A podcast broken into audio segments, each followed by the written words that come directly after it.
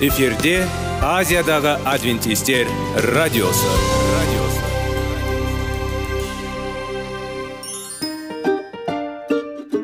сәлем достар. Денсаулық өмір бұлағы және біздің бірінші байлығымыз демекші денсаулық сағаты рубрикасына қош келдіңіздер. Біздің рубрикада біз әртүрлі факторларменен мәліметтерменен кеңестерменен бөлісіп шын жүректен сіздердің дендеріңіз сау болғанын қалаймыз. Сол үшін біздің рубрикаға қош келдіңіздер. Дайындалып тұрыңыздар. Өйткені келесі минуттарда қызықты фактілерге ие боласыздар. Енді достар ең бірінші байлығымызды қолымызға алып алға кеттік.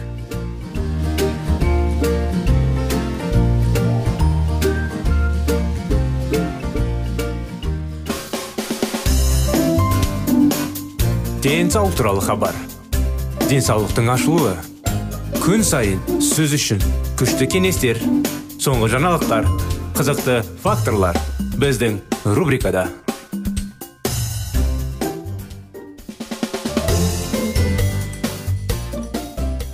сәлеметсіздер ме құрметті достар біздің құрметті радио тыңдаушыларымыз біздің денсаулық сағат бағдарламамызға қош келдіңіздер сіздерге арналған тақырыптарымыз салауатты болу салауатты өмір салты жайлы қазіргі уақытта біраз болды темекі темекінің зияндығы жайлы әңгімелеп жүрміз сіздің барлық достарыңызға таныстарыңызға және жұмыс бойынша әріптестеріңізге никотин тәуелділіктен босату туралы шешім қабылдау туралы айтыңыз. Оларды қолдау сұраңыз әсіресе жеке үлгі пікірлестен бірлесе отырып өз шешімін орындауға кірісу жақсы болар еді. Бірге табысқа жету оңай болады. Темекі шегетіндерге қырыққабат қызылша қызынақтан салат бөлігін жеуге кеңес береміз. Қандай жемістер немесе көкөністер шайнаудың маңызы жоқ. Ең бастысы бұл өсімдік өнімі. Кәмпиттер ұсынылмайды. Мезгіл мезгіл жұмыста үзіліс жасаңыз. Терезелерді ашып бірнеше рет терең демалыңыз. Бұл іс әрекет өте қарапайым бірақ өте тиімді. Егер сіз темекі шеуге ниет білдірсе терең тыныс алуды бастаңыз. Өкпеде ауаны бірнеше секунд ұстаңыз содан кейін бояу кебіңіз бұл кем дегенде үш рет қайталау керек. Содан кейін темекі шеуге ниет жоғалады. Терең тыныс бірнеше ойларға пайдалы. Ол он қызметке назар аударады және темекі шеуге ниет білдіреді. Терең тыныс алу ағзаны оттегінің жеткілікті мөлшерімен қамтамасыз етеді. Бұл орталық жүйке жүйесінің қызметін жақсартады. Ол сондай ақ дененің босанысуына көңіл күйді жақсартуға ықпал етеді. Алғашқы күндерде немесе тіпті апта бойы әдеттерде темекі шегіп жүрген әдеттегі жағдайларды жүгіруге тырысыңыз. Сондай ақ сіздің санаңыздың темекі шегумен байланысты орындарда барудан бас тартыңыз. Мысалы дәмхана баспалдақ қаланы және тағы басқа белесінді демалуға артықшылық беріңіз. Және бос уақытыңызды темекі шеуге мүмкіндік болмайтын етіп өткізіңіз.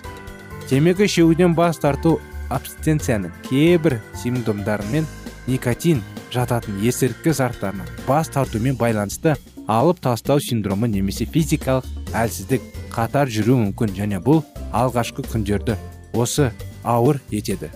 Бұл сынаққа төтеп беру үшін сізге келесі қадам жасауды ұсынамыз. Екінші қадам абстиненцияның барлық кезеңдеріне төтеп беру туралы шешім. Іс жүзінде бұл жерде мидағы процесстер көп. Бұл ми темекі шегуге байланысты жағымды сәттерді еске салады. Бұл әсіресе алғашқы апта ішінде белесінде көрінеді.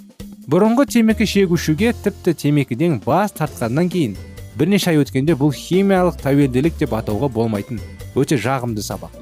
Үшінші қадам шешім. Еркін тұлға ретінде мен темекі шегуге саналы түрде қарсы тұратын боламын. Адамзат тарихы бізді барлық үлкен жетістіктер мықты толық емес шешім мен көп күш жігерді талап ететін үйретеді. Сіз әдетте темекі шегетін барлық жағдайлардан әдейі аулақ болыңыз. Сіз кешкі астан кейін сүйікті креслоңызға жайғасып теледидарды көруге ыңғайлы болуы мүмкін. Сол креслолармен сіз кешкі астан кейін шегетін темекіде байланысты емес. Егер сіз сүйікті креслода дамылаудан бас тартсаңыз біраз уақытқа онда темекі шегуге ниет білдіріңіз. Жұмыста үзіліс темекі шегуді білдіреді. Мүмкін сіз темекі шегуге үйренген кезде демалудан бас тартуға тура келеді. Көшеде бірнеше минут серуендеп жақсы содан кейін. Темекі шегуге ниет болды. Ол уақытта темекі шегуге балама денсаулықты жасартуға ықпал ететінін кез келген физикалық іс әрекет болуы мүмкін. Мысалы баспалдықпен жоғары төмен өту. Назар аударыңыз. Қауіп темекі шегуден біртіндеп бас тарту. Кейбір темекі шегушілер темекіні тұтынуды төмендетіп темекі шегуден толық бас тартуға дайын. Бұл өте зиянды әдетке ие болудың әлсіз әрекеті. Өкінішке орай тіпті кейбір дәрігерлер никотин тәуелділігінен мұндай тиімсіз әдісті ұсынады. Адам темекі шегетін сайын денесіне аз зиян келтіреді. Дегенмен темекі шегетін темекі санының төмендеуі жаман трамплин және тәуелділікпен толық босағысы келтіргені үшін сенімпаз. Темекі шегуден бас тарту темекі шегуге деген ниетпен ішкі саналы күреске негізделеді. Ал темекі шегетін адам осы ниетпен күреспейді ал темекі шегетіндердің саныны күн ішінде азайтады. Әдетте күресуде ұтады. Кейде бірнеше сағат немесе күн қалыс немесе орташа темекі шегуден кейін адам былай дейді мен темекі жоқ өмір сүре алмаймын темекісіз мен кезеңіне абстиненция дейді ғой кезіне төзуге күш жоқ. Айда бүгінгі күннен бастап мен өзімді шектеймін күніне 10 темекі шегемін мен осы деңгейде тұра алатын кезімде планканы одан да төмендете аламын. Енді не екенін көрейік. Шын мәнінде адам осы қалай арқылы қол жеткізді? Темекі шегуші тәуелділікке қарсы күрестің ең нашар құралдарының бірін салайды. Күн ішінде темекі шегетіндердің санының азайтуы арқылы темекі шегудің бас тарту ұзақ уақыт азаю процесі. Бұл ретте никотинге тәуелділік сақталады. Бұл иго дегеніңізге ғана емес ақылға қонымды. Күн сайын темекі шегетін адам үнемі күтуде. Иә ақыр соңында келесі темекіні темекі шеуге болады. Әрбір қалыпты адамның өмірінде кездесетін күйзелістермен қатар никотиннің жетіспеушілігін және тұрақты абстиненцияны сезінетін темекі шегуден бас тарту салдарымен де күреседі. Осылайша ол өзі үшін созылмалы жаман көңіл күй жағдайын таңдады. Ол үлкен күш жұмсайды. Тұрақты күреспен күйзелісті бастап кешіреді. Ақырында өте аз немесе мүлдем ештеңе жетеді. Шылым шегуден біртіндеп бас тарту алдын ала болжаған сәтсіздік. Темекі шегуден бас тарту кезінде негізгі проблема темекі бұл трек темекі шегетін темекі санының төмендеусіздің темекі шегудің толық бас тартуға әкелмейді. Керісінше сіз келесі темекіге әлемдегі ең үлкен құндылық деп санағанда осындай жағдайға дейін барасыз. Ең бастысы сіз ешқашан темекі жоқ бақытты сезіне алмайсыз. Сондықтан құрметті достар бұмен кеңестер біткен жоқ қиындықтар туынып жатыр кеңестер келіп жатыр келесі жолы жалғастырамыз темекіні қалай тастап оның зияны әрдайым қызу өтіп жатырмыз зияндығы жайлы. Сондықтан келесі бағдарламамызға дейін сау саламат болыңыздар.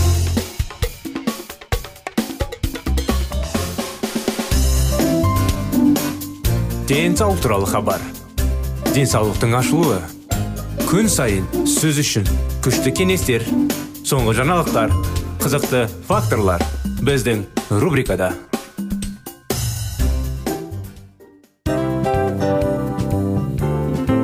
Әуелі байлық денсаулық екінші байлық он саулық үшінші байлық ақ жаулық. Ал енді осындай радио парақшадан кейін не дейміз? Барлықтарыңызға денсаулықтарыңыз зор болсын деп тілейміз. Денсаулықтың өзгеруі кішкентай нәрселерден басталады. Осымен біз берген кеңестер мен мәліметтер шын жүректен сіздер үшін қандай да бір болсын жәрдем берді деп үміттенеміз. Тыңдаушыларымызбен келесі радио парақшасына дейін қоштассамыз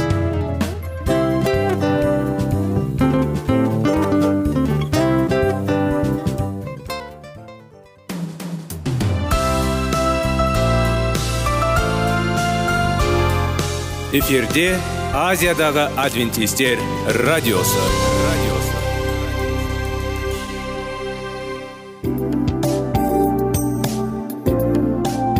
Сәлем достар.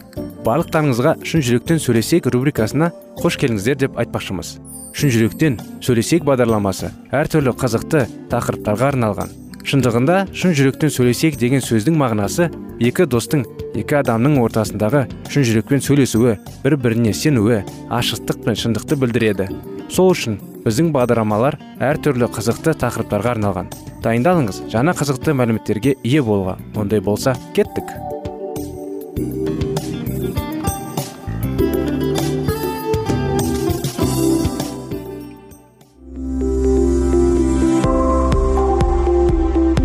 Алтын сөздер. Сырласу қарым қатынас жайлы кеңестер мен қызықты тақырыптар. Шын жүректен сөйлесейік рубрикасында.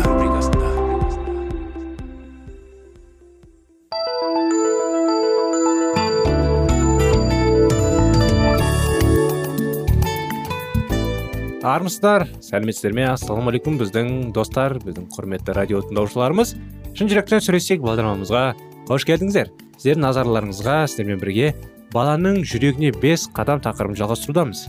Кейбір ата аналар баланың үлгі мінез құлқымен махаббатқа ие болу керек деп санайды. Бірақ бұл жай ғана мүмкін емес. Өзінің мінез құлқымен бала біздің махаббатымызды сезінуге үйренеді. Ол сен мені жақсы көресің бе? Егер біз иә сүйемін деп жауап берсе және оған сенімділікпен толтырамыз ол тыныштықтарды және оған үнемі біздің тексерудің қажеті жоқ. Сонымен қатар оның мінез құлқы бақылау оңай болады. Егер біз қателессек алдымен бала өзін жақсы ұстауға тырысу керек. Содан кейін ғана біз махаббат таныта аламыз. Ол үнемі бізді ренжітеді. Біз оны жаман дәлелсіз батыл және жүрексіз деп санаймыз. Ал ол иә мен сені жақсы көремін деп жауап бергісі келеді. Бала өзінің барлық мінез құлқымен сен мені жақсы көресің бе? Бізге ол мұны қалай ұнатпайды? Ол кезде бала түсінеді махаббатқа үміт жоқ. Ол үміт артады және оның мінез құлқы түбегейлі бұзылады. Еш нәрсе де баланы махаббат жетіспейтініне әкелмейді. Сіз оны жақсы көреді. Бұрын оны көз жеткізбей одан жақсы мінез құлық талап мағынасыз. Біздің міндетіміз оның жүрегін махаббатпен толтыру. Ол үшін барлық бес жолды қолдана отырып және оған ең жақын тәсілді негізгі тірек жасай отырып. Екінші сұрақ баланың сүйіспеншілікпен тәрбиелеу үшін өзіне қоямыз. Ол өзін нашар ұстағанда не істегісі келеді? Оның орнына көптеген ата аналар ол өзін осылай ұстау үшін не істеу керек? Бұл үшін логикалық жауап керек оған тапсырыс беру. Бұл ата аналар балаларды жиі жазалайтын себептердің бірі. Тіпті олардың мінез құлқы түзетудің неғұрлым қолайлы тәсілін таңдауға тырыспай ақ егер біз жазаны тәрбиелеудің жалғыз құралы ретінде пайдалануға үйренген болсақ біз баланың нақты қажеттіліктерін қарастыра алмаймыз. Егер біз жаман мінез құлыққа жауап беретін болсақ бала махаббат сезінбейді. Біз сұрағанда неге ол өзін солай ұстаса? Біз дұрыс шешім қабылдап дұрыс бағытта таңдай аламыз. Бала өзін нашар ұстайды өйткені ол бір нәрсені жетіспейді. Оған бір нәрсе қажет. Егер біз тек мінез құлыққа назар аударсақ және оның қажеттіліктерін түсінуге тырыспасақ біз дұрыс қадам жасай алмаймыз біз өзімізді сұраймыз ол жүзуді тоқтау үшін не істеу керек бұл ақылсыз дәлетсіз жазалауға әкеледі бұзылмаудың себебі махаббат жетіспеу сіздің балаңыз өзін нашар ұстағанда және сіз оған не қажет біріншіден сіз не туралы ойлайсыз баланы шын мәнінде жақсы көретінін негізгенде тәрбиелеу оңайырақ әсіресе егер мойынсұнбаудың себебі махаббаттың болмауы. Мұндай сәттерде махаббат мөлдіру тәсілдері туралы айтып айтқанда жанасу тілі және уақыт туралы ұмытпаңыз. Сонымен қатар балаңызды зерттеңіз оны бақылаңыз. Егер бала жаман болса оған көзді жабудың қажеті жоқ. Бірақ біз теріс қылықтарға дұрыс жауап бермегенде біз тым қатал немесе шамадан қиын емес кезде бізде және одан әрі осы баламен қиындықтар пайда болады. Және де ол үлкен болған сайын соғұрлым күрделі қиындықтар болады. Иә бұл оны тәрбиелеуіміз керек. Оны жақсы ұстауға үйретуіміз керек. Алайда бұл бағыттағы алғашқы қадам жаза емес. Кішкентай балалар бізге махаббат туралы қалай дұрыс сұрайтынын білмейді. Олар шулайды және күлкілі ересек адам осы барлық шуларда махаббат туралы өтінішті көруді екі талай біз шын мәнінде олардың назарын оларға аударатқымыз келетінін түсінген кезде оларды қолымызға алып оларға қамқорлық жасағымыз келеді. Біз бұл балалар екенін есімізге түсіреміз. Сонда да біздің ата аналарымыздың парызын қуана орындап олардың біздің махаббатымызға деген сенімдігімен толтырамыз. Содан кейін оларға алға жылжуға кемелдікке көмектесеміз. Басқа себеп нашар. Егер жаман мінез құлық тек қана баланың біздің махаббатымызға деген сенімі бітіп біткен болса оңай болар еді. Бірақ бұл әрдайым болмайды. Егер бұл бұзылудың себебі болмаса не істеу керек? Өзіңізді сұрағаннан кейін менің балам не қажет? Және ол сіздің махаббатыңызды біледі және сезінеді. Мүмкін бұл жаман көңіл күй. Өкініш туралы себебі дене бітіміміздегі және бала кішірек болған сайын оның көңіл күйі мінез құлқына әсер етеді. Өзінен сұраңыз ол бірденеден ауырда ма?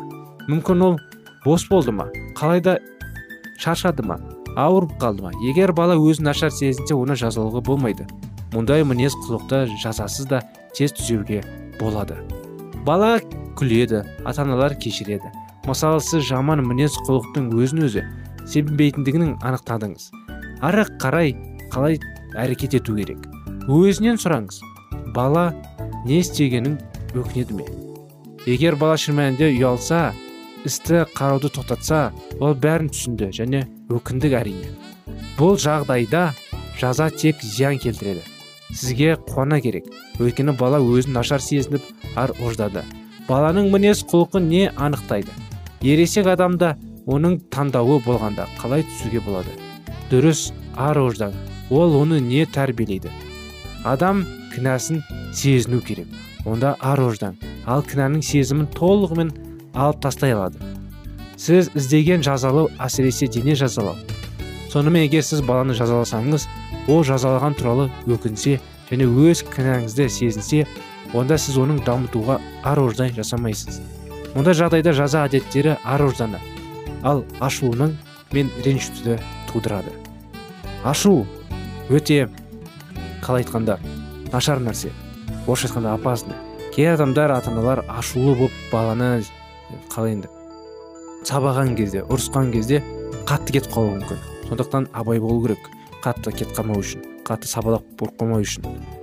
Неғұрлым түсінікпен сөзбен түсіндіріп бір біріңді түсінуге дұрыс болар еді. Осындай анықтама бүгінгі күнде құрметті достар бағдарламамыз осымен аяғына келді. Келесі жолға дейін сау болыңыздар.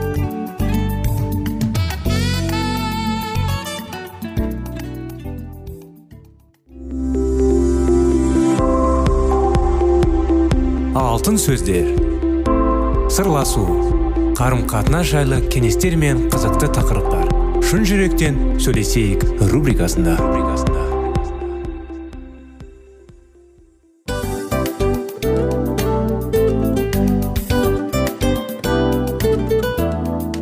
Құрметті достар барлық ең соңғы кеңестер аяқталған соң біздің программамыз соңына келіп қалды.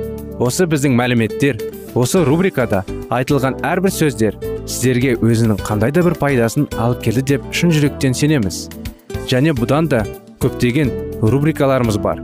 Басқа рубрикаларымызда біздің зерттеулерімізде сіздер үшін тағы да қызықты мәліметтер дайын. Біздің шын жүректен сөйлесейік парақшамызда көптеген әдістер ең соңғы кеңестер адамның нравственность жақтан моральдық жақтан тазалап байыта тұрған соңғы кеңестердің барлығын жанарады. Сондықтан алдыңғы күндерде бізбен бірге болыңыздар. Өйткені барлық қызықтар алдыда. Бізбенен бірге болғандарыңызға үлкен рахмет. Келесі кездескенімізше сау сәлемет болыңыздар.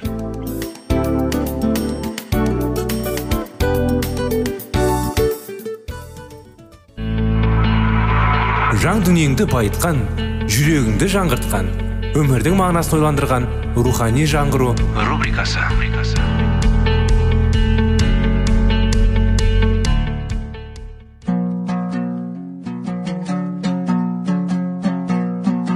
Ассалаумағалейкум біздің тыңдаушыларымыз. Келі кітаптың шындығын ашып берген қысқа бағдарламасына қош келдіңіздер. Барлығынан жоғары жаратушы біздің қарыңғылықта жалғыз қалдырып қойған емес. Өйткені ол келешекте не болу керек екенін киелі кітаптың парақтарында ашып береді. Немесе келіңіздер бізге қосылыңыздар. Жаратушы бізге нен ашып бергенін зерттейміз. Ассалаумағалейкум армысыздар біздің құрметті достар. Құрметті біздің радио тыңдаушыларымыз біздің рухани жаңғыру бағдарламамызға қош келдіңіздер. Сіздердің назарларыңызға сүйенуді қалай үйрену тақырыптарын жалғастырамыз. Құдаймен кездесуге белгілеген уақытымыз жақындаған кезде бәрі біздің осы әрекетімізге кедергі келтіруге уәделесіп қойғандай жағдайлар жиі орын алады. Бізге адамдар жануарлар тіпті телефон кедергі болады. Бұл жерде дұшпанның көзге көрінбейтін қолының жұмыс істеп жатқанын түсіну қиын емес. Ал осыны түсінбеген мәсіхшінің жағдайы қиынақ бірінші және ең кесімді шайқас әр күні құдаймен тыныштықта кездесу үшін белгілі бір уақытта бөліп алу. Бірақ мұнажат сағаты үшін бұл шайқаста жеңіске жеткен күннің өзінде күрес мұнымен әлі аяқталған жоқ. Дұшпанымыз мұнажат бөлмесіне артымыздан кіреді. Сол жерде олар ескі күнәқар болмысымыз бен шайтан күресті әрі қарай жалғастырады. Мұнажат бөлмесіне кірер алдында қалай қорықса құдаймен кездесуден ескі күнәқар болмысымыз сол жерде дәл солай қорқады. Енді ол мұнажат уақытын барынша қысқартуға немесе құдаймен кездесу туралы әңгіме болуының өзі мүмкін болмайтындай дәрежеде ойымызды жаулап алуға тырысады. Досым мұндай шайқастар саған таныс па? Құдаймен сөйлесу үшін тізе бүгіп отырған кезде дәл сол сәтте іздеуге тиіс шаруалардың көз алдында келеді. Олар саған қаншалықты маңызды және шұғыл шаруалар болып көрінеді десеңші. Бұл ойлар сені барған сайын мазалай түседі. Бар назарыңды құдаймен әңгімеге аударған келеді бірақ бұдан онша ештеңе шыға қоймайды. Сенің ойларың құдай мен өзіңді күтіп тұрған шұғыл жұмыстың арасында шарқ мұнажат сәтті сен үшін күннің ең мазасыз мезгіліне айналады. Шығыс батыстан қандай алыс болса қуаныш пен тыныштық сенен дәл солай алыстайды. Сен тізелеп қаншалықты көбірек отырсан алда күтіп тұрған жұмыстарын көз алдында соншалықты анығырақ елестейді. Саған осы жалықтың ұзақ уақытты тізегіп отыру уақыты текке жоғалту секілді болып көріне бастайды. Сол себептен сен мұнажат етудің тоқтатасың. Шайқаста дұшпан кеңеске жетті. Біз өзімізден күшті болып көрінетін дұшпанға қарсы тұрамыз. Егер де исаға есікті ашып оны мұқтаждықтарымызға ендіру туралы мұнажат құпиясын әлі білмейтін болсақ онда біз міндетті түрде жеңілеміз. Жоғарыда айтқанымыздай мұнажат дәрменсіздер үшін бекітілген. Дәрменсіздік бұл мұнажатқа кедергі емес ол оған дем беруші. Егер кие рух бізді дәрменсіздік құдайдың бізге көмектескісі келетінін білдіретін белгі екендігі туралы мұнажаттың маңызды құпиясына үйрететін болса онда мазасыз ойлар мен шашыраңқылықтың ерекшелігі дәрменсіздік біздің мұнажатымызға кедергі бола алмайды. Ол біздің жүгенсіз ойларымызға да билігін жүргізе алады. Ол дауылдағы бұйрығын жүргізіп оларды және оның ішінде менің жүрегімде де тыныштандыра алады. Бұл туралы филиптерге арналған хатта жақсы айтылған. Сонда құдайдың адам ақылынан асқан керемет тыныштығы сендердің жүректері мен ой саналарыңды мәсі қисада сақтайды дейді. Иә шашырыңқы ойларымызды жинақтап оларды сондай қалыпта сақтауға тек мәсік қана мүмкіндік бере алады. Бұл мәсіхтің бүкіл болмысымызға иелік ететінін білдіреді. Тек осылай болғанда ғана біздің мінажатымыз шын мәнінде құдаймен кездесу болады. Дөңгелектің шилерінің оның ортасында біргені секілді. Біздің барлық ойларымыз да құдайға бағытталады. Елші біздің мазасыз ойларымызға құдайдың тыныштығы осылай әрекет жасайтынын айтады. Мұнажат кезіндегі массасыздық пен шашыраңқылық ойларымды ерік күшімен өзім құдайға бағыттауым керек дегенді кезде бойды жалайды. Ойларыма қатысты дәрменсіздігімді түсініп осал емес дұшпаныма қарсы күресіме көмектесу үшін құдіретті досым. Исаны ендірген кезде бойым құдайдың тыныштығын кенеледі. Сонда құдайдың рухы бізге қайтада мәсіхті ашып бере алады және оны мадақтай алады. Тек сонда ғана менің ойларым иса мәсіхте сақталатын болады. Бізге мұнажаттың осы белгілі бір уақытын неліктен ұстап тұру қажет? Бұл құдайда бір заңның қалдығы емес пе? Бұл католиктікке және тән ұстаным емес пе екен? Күніне бірнеше рет мінәжат ету арқылы құдайға өз ынтамызды дәлелдегеніміз келе ме? Құдіретті құдайдың алдына жиі келу арқылы құдайдың сыйлық аламыз деп үміттенбейміз бе? Бүгін қатысты былай деген келеді. Мұнажаттың бұл екі түрі бір бірін жоққа шығару емес. Біріншісін екіншісі толықтырып тұру қажет. Бұл жайында мұнажаттың түрі деген тарауда қатты сақтаудың қажеттілігі туралы азырақ айтып кеткім келеді. Егер біз жұмыс кезінде немесе кез келген өзге керде құдаймен байланыста болып оған жүрегімізде жатқан мәселелерді айтатын болсақ бұл дұрыс және жақсы болады. Бірақ ондай кезде сол жетекісті алмайтынымыз. Бұл тыныштық.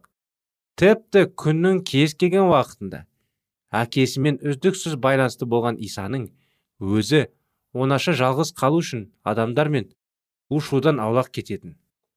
Осы дүние адамдар біздің рухымызды ыдыратады. Сондықтан жанымыз тыныштықта құдайдың үнін естуге қажетті жиналықтарға қол жеткізе алу үшін бізге белгілі бір уақытта онаша қалу қажет.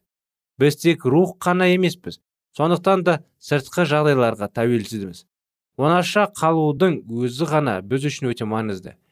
Бізді ешкім көріп естімейтін кезде құдаймен онаша боламыз. Сонда адамдардың назары мен көңіл бөлгені бізге әсер етпейді. Сонымен тыныштық таза сыртқы тыныштық жанымыздың жиналғы үшін өте маңызды. Әдетте көңіліміз бөлінетін жайт болған кезде жанымыз ішкі бересінділік үшін азат болады. Немесе мұны ішкі баялық тәбіруне деп атауға болады. Мінекей осындай анықтамалар құрметті достар синус жайлы өкінішке орай бағдарламамыз аяғына келді. Ал сіздерді келесі бағдарламаға шақырамыз. Келесі жолға дейін сау болыңыздар.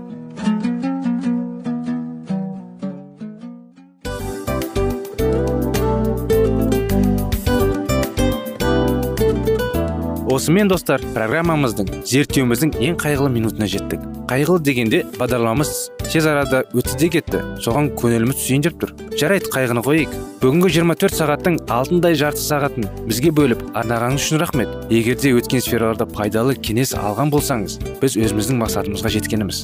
Тыңдаушыларымызбен қоштасу уақыты келді. Келесі кездесулерді сағынышпен күтеміз. Жарты сағатты кездесуіміз көз ашып шапқанша дем арасында өтіп кетті. Бірақ бізде жақсы хабар бар. Келесі зерттеулерімізде сөзсіз кездесеміз. Өйткені көптеген сюрприздер қызықты мәліметтерді және керекті нәрселерді көбін дайындадық. Бүгінгі күндеріңіз өзгеше позитивті болсын. Жақындарыңыз аман есен болсын деп тілейміз. Жаратқан ие барлықтарыңызға батасын берсін.